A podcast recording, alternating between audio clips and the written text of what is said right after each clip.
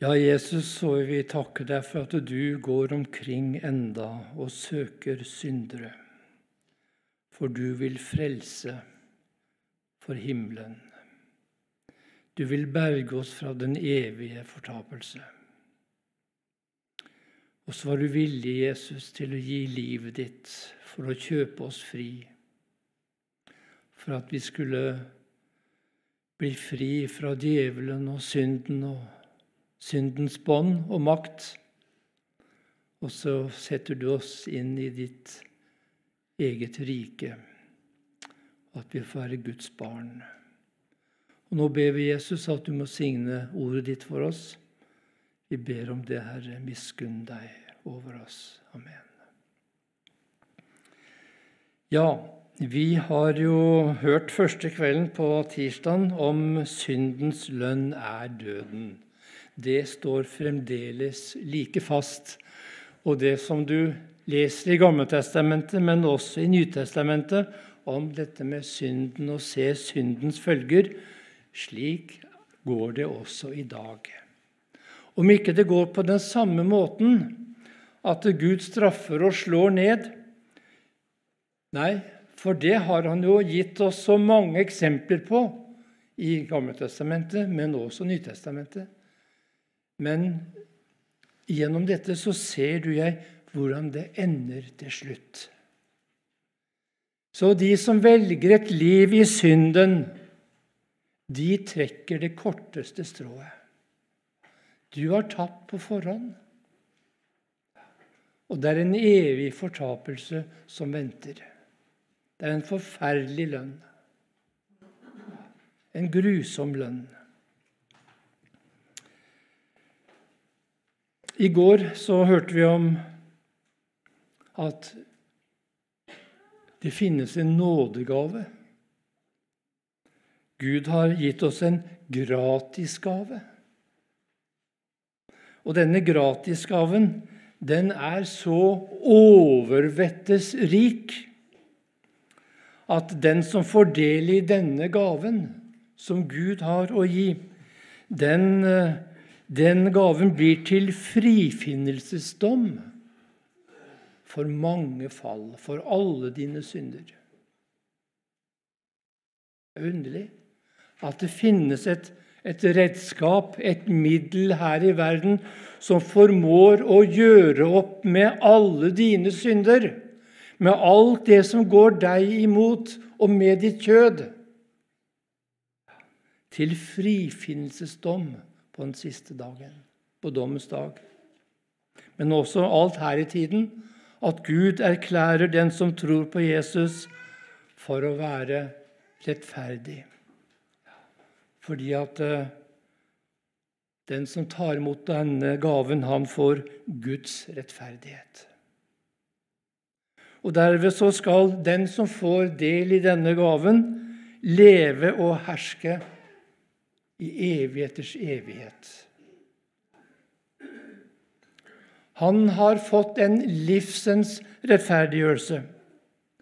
Han har fått en fullkommen rettferdighet for Gud. Og enda så er det også ikke gått opp for oss hvor rik på herlighet denne gave er. For eh, dette her, sånn som vi nå har nevnt på, det er jo bare vi hører det, ikke sant? Og vi, vi, kan tro det. Og vi har faktisk litt vanskelig for å tro at det kan være sant.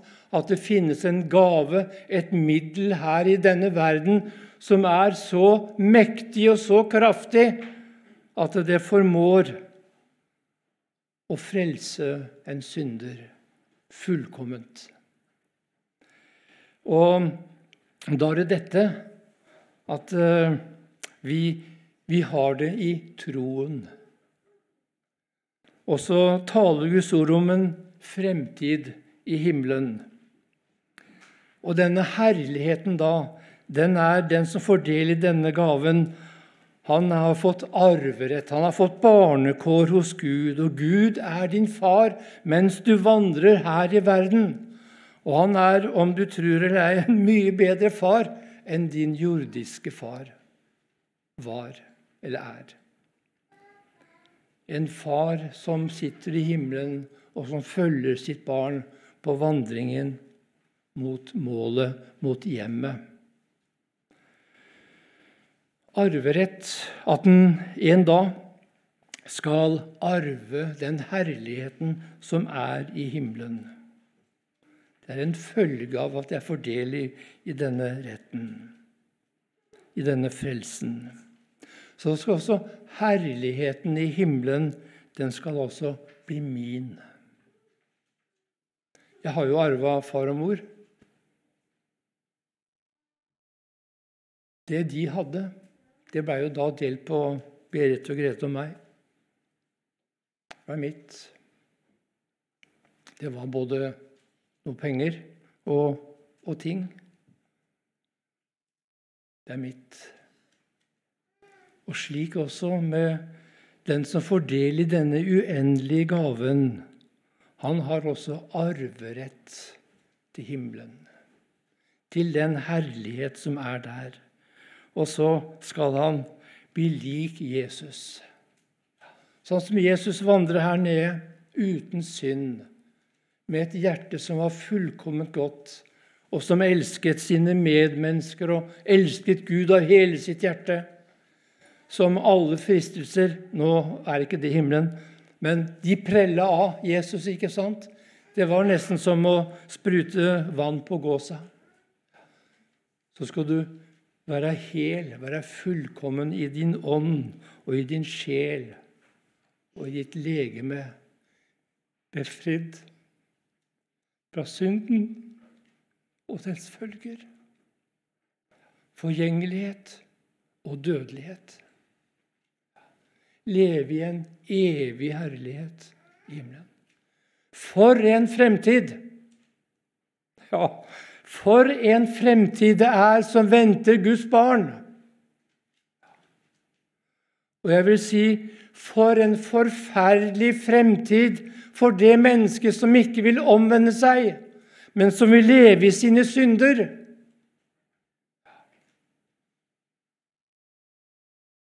Og få ha en evig fortapelse i vente. Ja, Derfor vil jeg spørre igjen som jeg har spurt tidligere kvelder òg. Hva gjør du med dine synder? Hva gjør du med dem? Kan du leve i dem? Kan du unnskylde og forklare dem? Da går du evig fortapt. Men roper du 'ved meg', for du ser at uh, du er en synder og synder mot Gud, ja, så har Gud en nådegave å gi, som du får uten å fortjene det. Ja, det var eh, Det var eh, en liten Kanskje litt lang. Ja. Vi skal lese noen vers fra Kolosserne 1. Kolosserne 1 fra vers 9 og 10 og 11. Ja, kan ta med 12 òg, og 13. Og ja, 14 òg. Derfor holder vi fra den dag vi hørte det, ikke opp med å gjøre bønn for dere og be at dere må fylles med kunnskap om Hans vilje i all visdom og forstand, så dere kan vandre verdig for Herren, til velbehag i alt, så dere bærer frukt og vokser i all god gjerning ved kunnskapen om Gud. Så dere styrkes med all styrke etter Hans herlighetskraft til all tålmodighet og langmodighet, så dere med glede takker Faderen, som gjorde oss skikkede til å få del i de helliges arvelodd i lyset. Han som fridde oss ut av mørkets makt og satte oss over i sin elskede Sønns rike i hvem vi har forløsningen, syndenes forlatelse. Amen.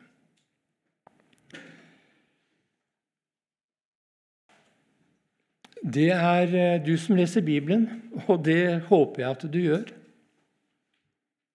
Jeg håper det at du setter av tid hver dag til å lese i Bibelen. og god tid. Og at du leser sammenhengende i Bibelen, ikke tar og, tar og plukker ut de beste versene og kapitlene, men at du leser sammenhengende. Det er så viktig for deg og for meg. Og jeg har sagt det før tidligere i kveld det er det viktigste du gjør på jord. Det er å lese i Bibelen. Det er å gå inn i lønnkammeret ditt og være ene, være stille for Herren. Det er det viktigste. Ja, det er ikke noe du kan gjøre her i denne verden som er viktigere. Det er ikke det. La ingen hindre deg i å lese i Bibelen. For her vil du få kamp, ser du. Dette går ikke av seg selv. Det regner med at du har erfart, og at det er kanskje derfor at det er så lite du leser i Bibelen. Jeg vet ikke om du leser lite. Men her er det virkelig kamp. Vi hørte det her i teksten, at det, så dere bærer frukt og vokser i all god gjerning ved kunnskapen om Gud ved å få mer kunnskap, til å vokse. Det er særlig dette uttrykket 'vandre verdig for Herren til velbehag i alt', som har fulgt meg. Og Paulus han skriver så mye om dette i, i brevene sine. Bare nevne helt kort. Ta f.eks. Romerne 12. ikke sant? om at vi skal fremstille våre legemer for Han, til tjeneste for Han. Vi har det i vi har det i Efeserbrevet kapittel 4, 1. Jeg formaner dere altså, jeg den fangne i Herren, at dere vandrer så som verdig er for det kall som dere er kalt med. Vandrer verdige for det kall som dere er kalt med.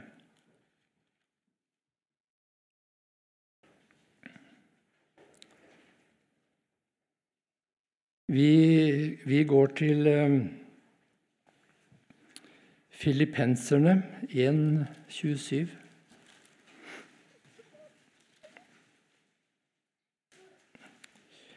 Bare før deres liv således som verdig er for Kristi evangelium.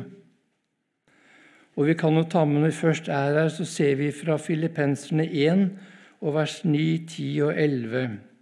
Og dette ber jeg om at deres kjærlighet ennå må bli alt rikere og rikere på kunnskap og skjønnsomhet, for at dere må kunne dømme om de forskjellige ting, så dere kan være rene og uten anstøt til Kristi dag, fylt med rettferdighetsfrukt som virkes ved Kristus Jesus, Gud til ære.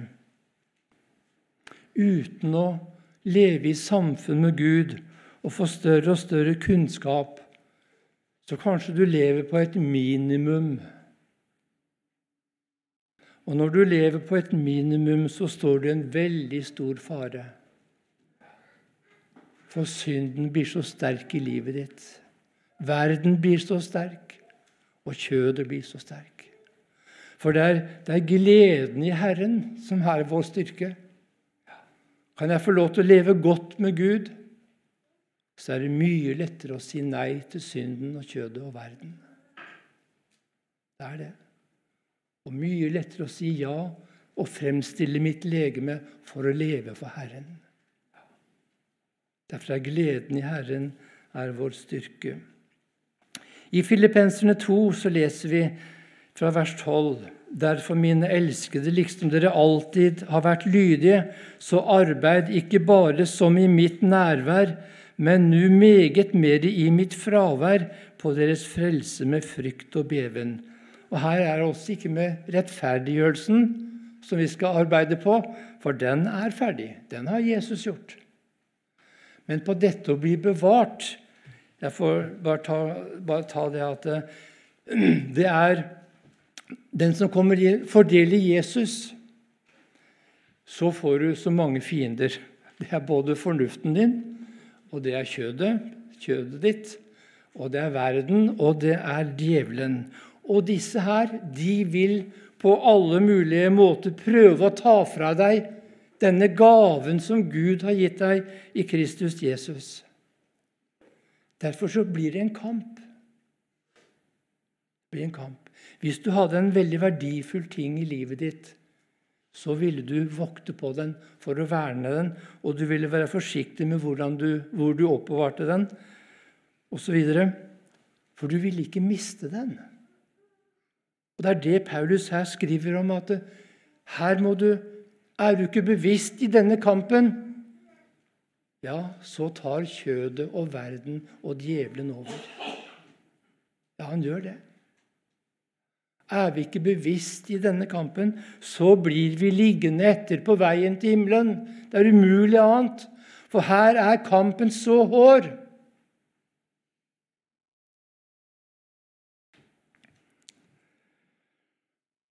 Gud er den som virker i dere både å ville og virke til hans velbehag. Og det gjør han gjennom evangeliet.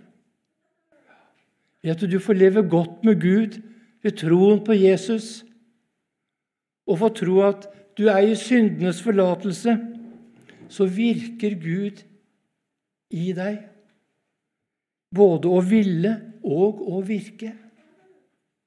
Sånn er evangeliet. Da, du, da sier du ja. Da vil du si ja til Guds gode, hellige vilje. Du sier ja til å være med i arbeidet. Du sier ja for å være med og vitne om Jesus. Du sier ja til å være med og gi. Du sier ja. Og så kommer det videre gjør alt uten knurr og tvil, for at dere kan være ustraffelige og rene. Tenk at han sier det. Guds ulastelige barn midt i en vanartet og vrang slekt, iblant hvilken dere viser dere som lys i verden. Du som har kommet gjennom til livet i Gud, du har fått et kall. Du har fått del i et kall. Som et kall fra himmelen som gir deg del i de himmelske goder. Du har blitt en ny skapning. Du er sendebud, skriver Paulus, i Kristi sted. I heimen, arbeidsplassen, i butikken, på flyet flyplassen eller hvor vi måtte være. Du er et sendebud. Verden leser ikke Bibelen, men de ser på deg. Og er det slik at når verden ser på deg, så ser de et etterbilde av Jesus? Av Jesu kjærlighet, av Jesu renhet, godhet. Eller når de ser deg, ser de da en, en som er lik, akkurat lik de verslige? I tankene, orda? Eller ser de det at du er en ny skapning i Kristus Jesus? Å være Guds ulastelige barn. Det ønsker Gud, akkurat som Foreldre ønsker lydige barn og prøver å oppdra sine barn til å bli lydige, til å velge det gode, det sanne, det rette, og si nei til det som er ondt og galt og urett. Og så gleder foreldrene seg når de ser at barna velger det gode. Og hører også gjennom kanskje andre. Og så er det stor sorg når vi hører at barna ikke velger til gode. Ja, også er du som har kommet til tro på Jesus. Du er Guds barn, i ulastelige barn midt i en vanartet og vrang slekt.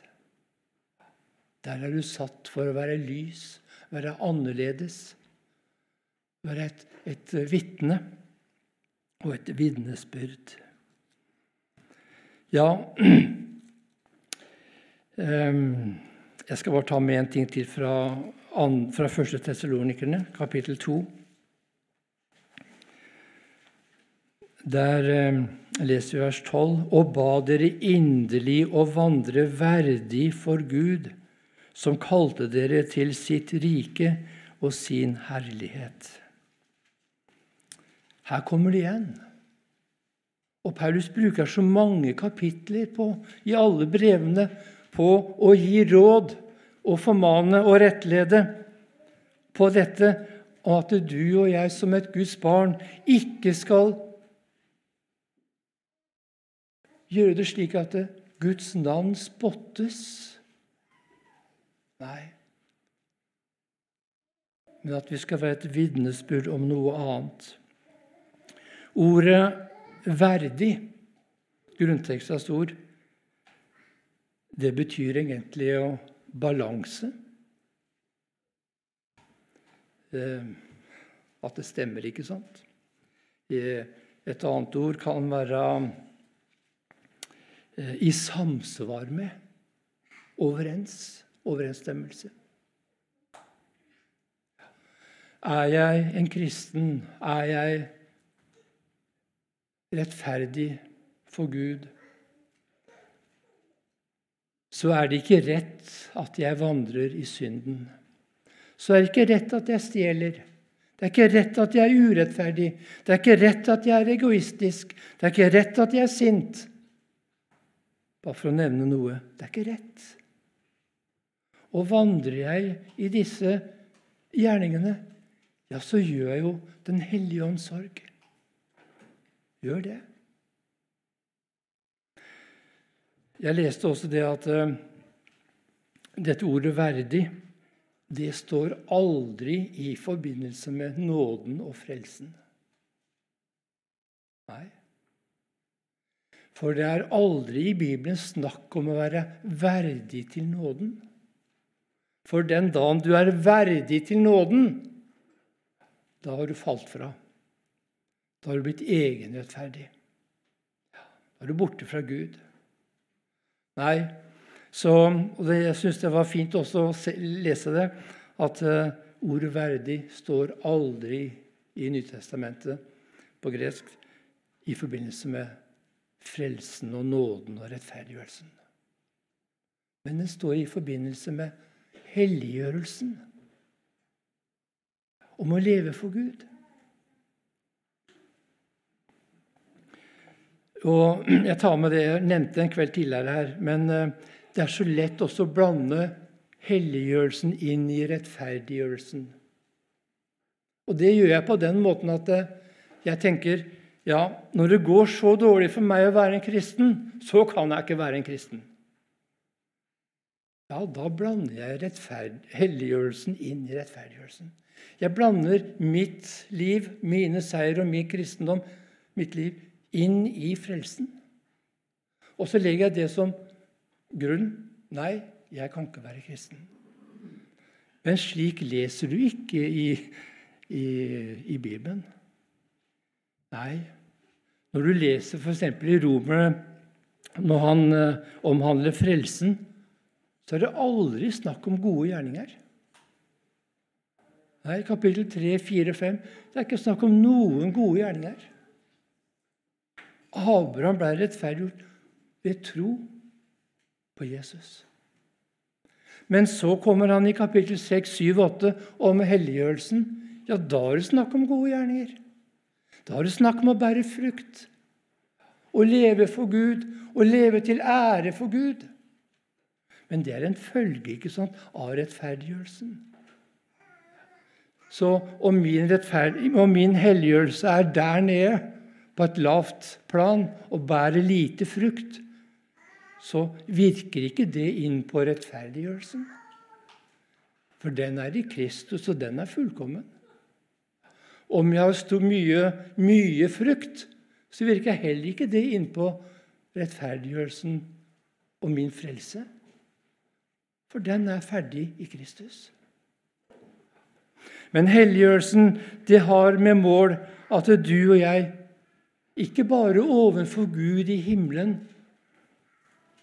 eh, skal være lik Jesus, men at alt her på jord Fra en synder kommer til tro på Jesus, så begynner Gud å arbeide med dette mennesket for at han skal bli mer og mer og mer lik Jesus, at det skal lukte Jesus av oss i vår hverdag. Ja. Til ære for Gud. Ja. Til ære for Gud.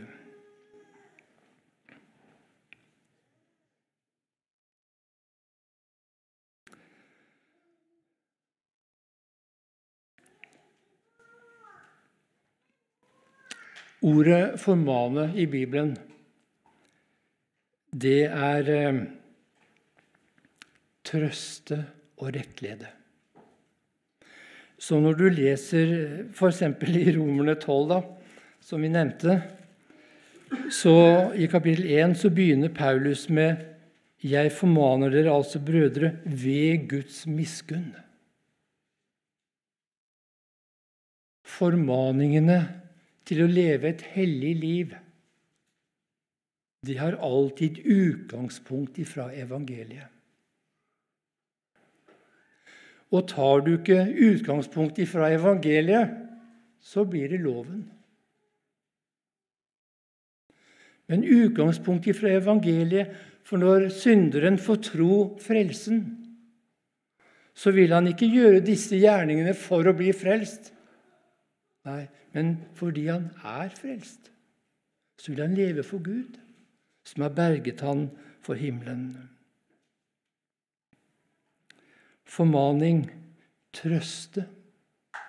Det er å rettlede. Til å leve rett i min hverdag. Og Jeg har nevnt det ikke tidligere, men eh, ikke her eh, nå denne gang, at det er veldig underlig når et menneske kommer til liv i Gud. Så, så, så, merker du at det, det, er så om å gjøre for dette mennesket å få lov til å vite hva som er Guds vilje i de forskjellige gjøremål, ting som det opplever, og som det står oppi. Hva er Guds vilje? Og det går og spør andre som skal ha mer greie på det. Hva er Guds vilje? Ja, Og sånn er det. Sånn virker evangeliet. Det virker at jeg vil leve for Han som er død og oppstanden for meg. Leve Han til ære.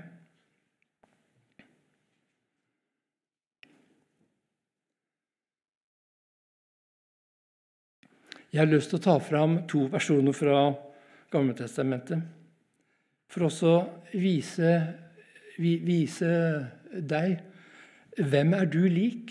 Hvordan handler du? Hvordan tenker du og handler du i din hverdag? Og det er disse to karene som heter Abraham og Lot. Abraham var jo onkel til Lot. Eh, I Romerne 4 så leser vi det at eh, Abraham trodde Gud, og det ble regnet ham til rettferdighet. Abraham han hadde ikke, ifølge Romerne 4, han hadde ikke noe å rose seg av for Gud. Vi skulle tro det, men Skriften sier nei. Han hadde ingenting som han kunne holde fram for Gud og si her. Se på meg, Gud. Jeg er ikke så verst. Nei, han hadde bare ugudelighet, Abraham. Og så trodde han på løftet Gud hadde gitt om Jesus. Han som skulle rettferdiggjøre den ugudelige. Og det var Abraham. Det var Abrahams tro. Der levde Abraham.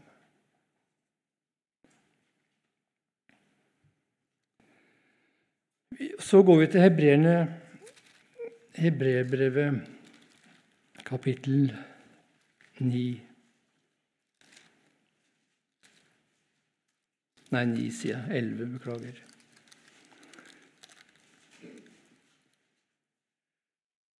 Det var vers 9. Ved tro oppholdt han seg som utlending i det lovede land som i et fremmed land. Er ikke det underlig? Han som hadde fått løfte fra Gud at han skulle eie hele Kanaan. Det skulle være hans og hans slekt til odel og eie.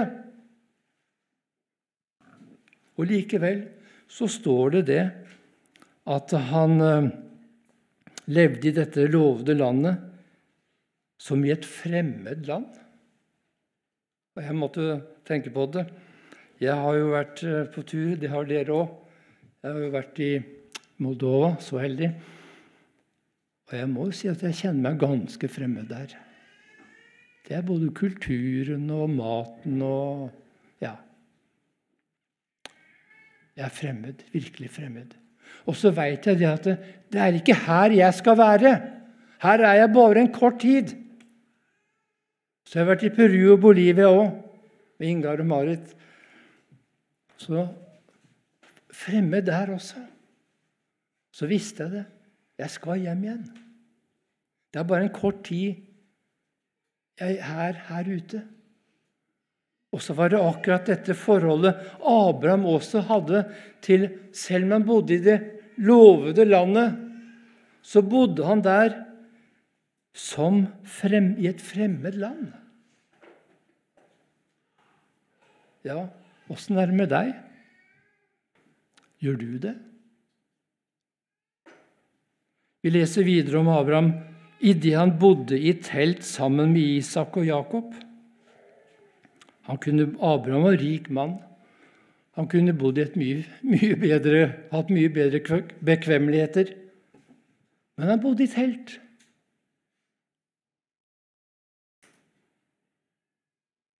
Enda han var rik. Han hadde jo over 300 tjenere. Og så kommer det vers 10. Hvorfor, han, hvorfor var han fremmed, og hvorfor bodde han i telt? For han ventet på den stad som har de faste grunnvoller. Tenk det. Hvordan tror han kunne få, få, få leve i denne forventningen? Jo, du, det var ved å ta Nå hadde han ikke noe skrevet, ikke sant? Men det var ved å ta vare på løftet Gud hadde gitt ham. Gjemme det inn i hjertet sitt og tenke på det. Holde det opp for seg, hva Gud hadde lovet ham. Holde det opp. Og når han holdt dette opp for seg, så løste det Abraham fra denne verden og disse ting. Han ble fremmed. Åssen er det med deg? Åssen lever du? Holder du Guds ord opp for deg? Slik at det er det som blir din rikdom, det er det som blir det viktigste i livet ditt. Du blir fremmed her, utlending. Det er ikke så farlig med hva du er og har. For du skal Vi leser videre ifra vers 14. For de som sier slik, det står, gir derved til kjenne at de søker et fedreland. Og dersom de hadde tenkt på det som de var kommet fra, fra Uri Kaldea, da, da hadde de jo hatt tid til å vende tilbake. Og så kommer det Men nå stunder de efter Da er det snakk om, om både Enok og, og Abel og flere. Men nå stunder de etter et bedre det er et himmelsk. Derfor skammer Gud seg ikke ved dem ved å kalles deres Gud, for han har gjort en stad ferdig for dem. De stundet etter det himmelske. Abraham stundet etter det himmelske. Det var altså ikke det å få mest mulig av denne verden. Det var ikke å få det mest mulig bekvemmelig. Nei, det var ikke det. Men det var å ta vare på dette ordet, på løftet fra Gud. Om velsignelsen, om frelsen i Jesus. Om løftet om det lovede land, om himmelen. Og så var det dette. Og så ser du og jeg Vi kan lese om Abraham. For en velsignelse han blei til så kan jeg få lov til å lese om Abraham i Romerne 4. ikke sant? hebreerbrevet, så oser det velsignelse. Troens Han er eh, troens far.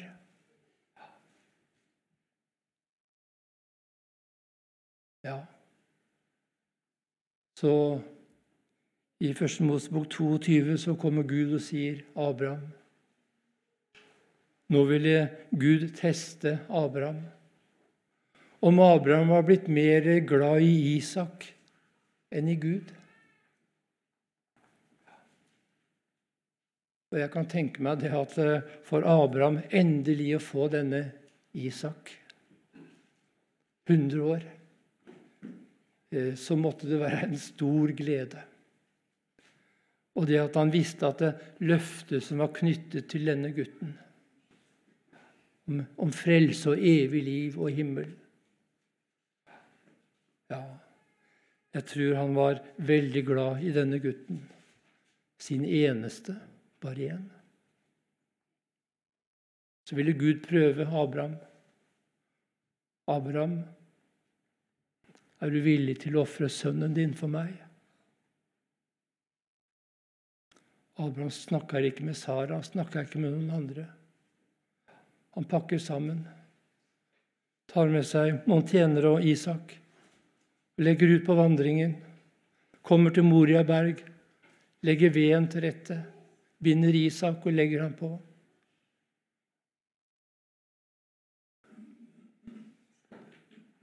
Han fryktet Gud. Han hadde et så nært kjennskap til Gud. Og dette kjennskapet hadde han fått gjennom løftet fra Gud. Du verden. Og så står han der med kniven. Det kjæreste. Så er han villig til å ofre det kjæreste. Jeg veit ikke hvordan det er i livet ditt om du er villig til å ofre det kjæreste i livet ditt. Så ofret Abraham Isak i sitt hjerte. Han gjorde det. Vi kjenner beretningen. Så sier Gud etterpå, 'Nå vet jeg, Abraham, at du frykter meg.' Han levde i et kjennskap til Gud som fikk prege ham. Binde ham til Gud og binde ham til løftene. Og han visste det, at om Isak døde, så var Gud stor nok til å reise Isak opp igjen. Tenk, der levde Abraham.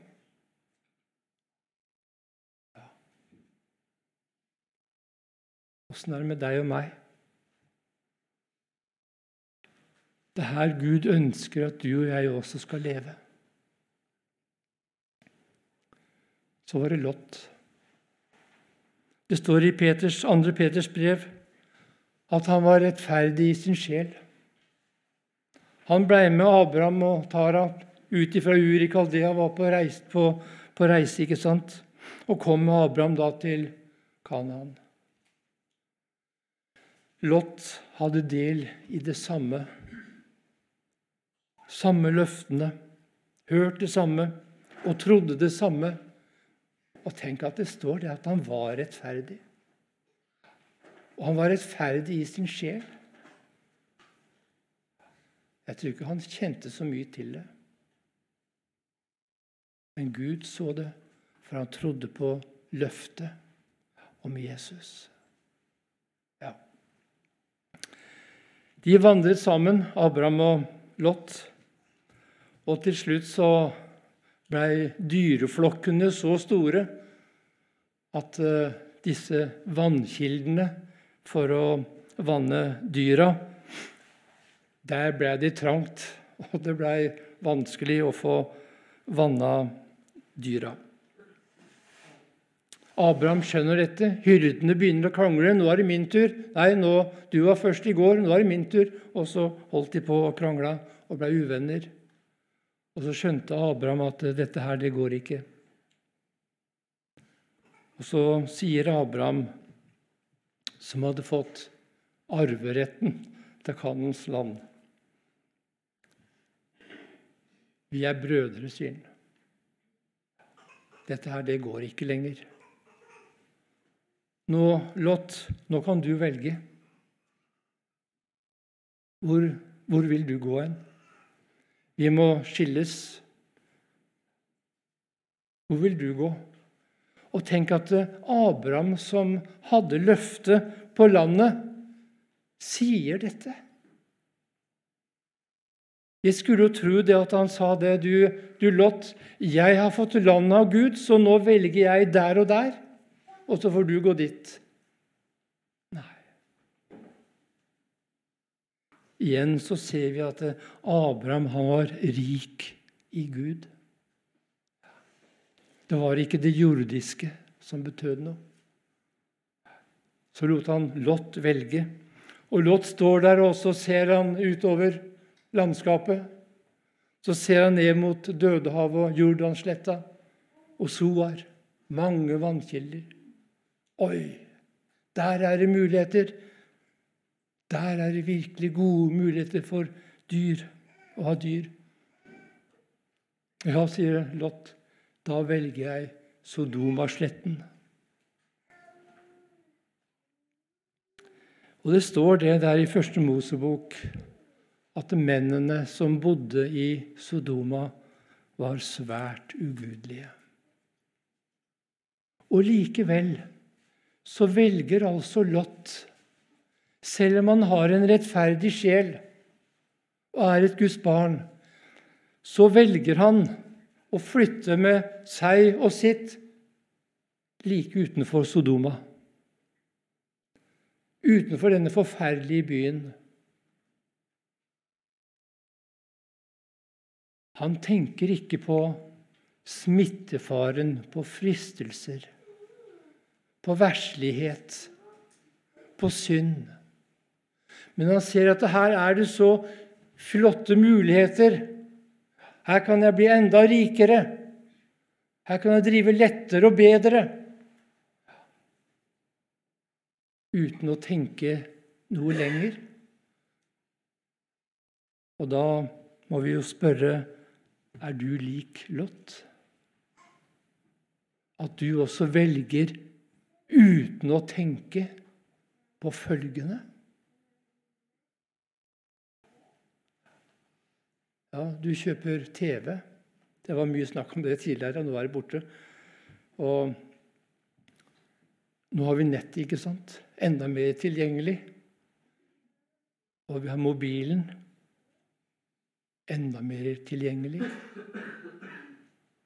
Åssen velger du i forhold til dette? Er det dette som får fylle tida di, slik at du ser her er virkelig muligheter? Her, det må jeg ha, og det må jeg ha, og jeg må ha det sånn og sånn. Og jeg må arbeide for å, å få det slik og slik og slik. Så er det det jordiske. Så bygger du et himmel her på jord, mer og mindre.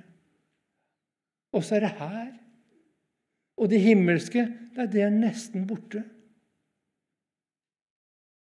Er du lik Lot, som velger uten å tenke følgende? Så flytta han. Og Det gikk ikke så lang tid, så flytta han like innafor byen nå. Det er noe sammen med synd og verslighet at det blinder øynene våre. Så jeg ser ikke faren og ser ikke synden og alvoret. Så flytta han inn. Vi veit ikke så mye om kona og døtrene. Men eh, vi veit at når disse to englene kom og skulle ha Lot og familien ut av byen, så var Lot så treg, så treg, så treg at englene måtte ta han med makt. Ja. Jeg har lyst til å si, og jeg håper du forstår meg riktig, så verslig var han. En versliggjort kristen. Men livet Han hadde livet fremdeles. men så versliggjort. Han, han så på denne verden og disse mulighetene her og ville leve i dette. Mens Abraham han levde i det åndelige, han levde i løftene. Det var det som hadde førsteplassen. Så kom det andre etterpå.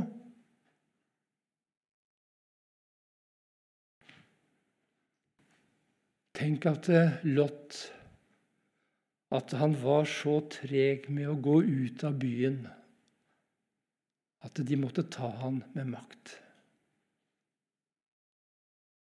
Ja, han blei berga. Men tenk for en forskjell på Lot og Abraham. Hvordan Abraham blir til ære for Gud og blir til veldig velsignelse. Mens slått. Nei, han står der egentlig som skrekk og advarsel. Gjør ikke som Lot. Ja, det var Abraham, det var Sara, nei, Abraham og Lot. Nå handler det om deg.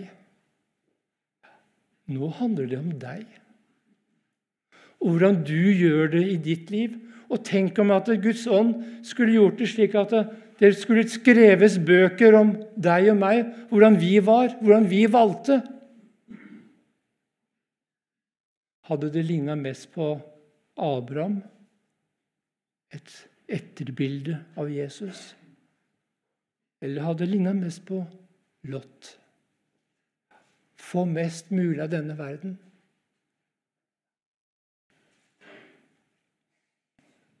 Han tenkte vel ikke så mye Lot, for han så disse mulighetene. Og så husker vi kona hans. Hjertet hennes det hang fast. Vi vet ikke hvor, hvor hun var henne fra før, så det går ikke an å si noe. Men vi vet iallfall at det å flytte inn i Sodoma det kunne iallfall ikke blitt til særlig velsignelse. Det var til stor, stor fare. Og så hadde hun hjertet sitt der. Og så er det det djevelen ønsker med deg og meg også. At hjertet ditt og mitt, det skal være her i verden. Ja, elske denne verden, leve for denne verden, glemme løftet mer og mer, slik at vi blir mer og mer verslige og jordiske og kjødelige som ikke det lukter så mye Jesus av. Det er saltet som mister sin kraft. Det er lyset som blir satt under en skjeppe. Og så husker vi også døtrene, ikke sant? Det gikk jo så galt med døtrene òg. De ble forlova med menn fra Sodoma. Og så husker vi historien. De ble berga. Men det var ikke mye å Det var et trist kapittel. De drakk far full, ikke sant? For de trodde ikke på Gud. At Gud hadde en vei også her. Så tok de saken i sin egen hånd, og så lå de med far. Og så fikk vi Moab og Ammon, og så ble de bitre fiender av Israel. Det er underlig. Det fikk følger. Ja. Ja.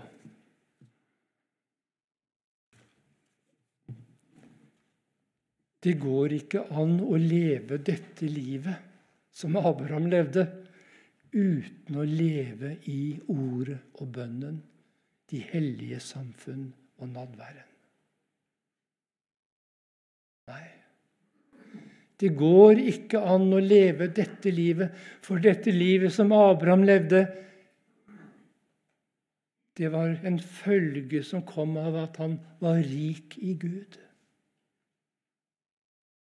Og slik er det med helliggjørelsen. Jeg makter ikke å leve slik jeg skulle leve, om ikke jeg lever godt med Gud. Nei, da blir jeg en kjødelig kristen. Jeg kan bli berga som Lot, ja. Men det blir liten velsignelse fra livet mitt til mine medmennesker og lite til ære for Gud. For jeg er så kjødelig. Jeg er så verslig. Ja. Men å leve i samfunnet med Herren Det er Han som virker, både å ville og virke. Og det gjør han gjennom evangeliet, ordet om Jesus. Hvem er du lik? Hvem er du lik? Hva er det du lever for? Hvem lever du for? Lever du for Han som er død oppstanden for deg? Eller lever du for deg selv? Ja, Paulus skriver igjen og igjen vårt kall. Det er å være, leve, leve som Luther sier, være det jeg er, et Guds barn, hellig, leve et hellig liv. Til ære for Han som har frelst meg. Og Jeg må bare presisere, for jeg har sett meg at jeg blir ikke frelst ved dette livet, ved helliggjørelsen. Nei. Så derfor la ikke dine fall og din lunkenhet og sløvhet, la ikke det få makt og tak. For der finnes en nådegave. Grip den, ta imot den, gled deg i den. Ja. Herre Jesus, så ser du at uh, det som ikke vi ser så mye, at det er så veldig åndskamp om hjertene våre. Og djevelen vil så gjerne at han kan få tak i oss. Og han er en tusenkunstner, og han kommer på så mange, mange mulige måter. Og det viktigste våpenet det er å holde oss borti fra ordet og Jesus må han ikke lykkes. Og Herre, så takker vi for at vi får lov til å komme til deg med våre fall, med vårt frafall, med vår lunkenhet, med vår sløvhet. Og Vi takker deg for at vi skal få lov til å ta imot denne uforskyldte, store nådegaven. At den frelser også meg. Og så ber vi Jesus at vi måtte få leve et liv hvor vi er fremmede her i verden. Det er i himmelen jeg hører til. Og Herre, at vi kunne bære frukt og være til ære for deg. Amen.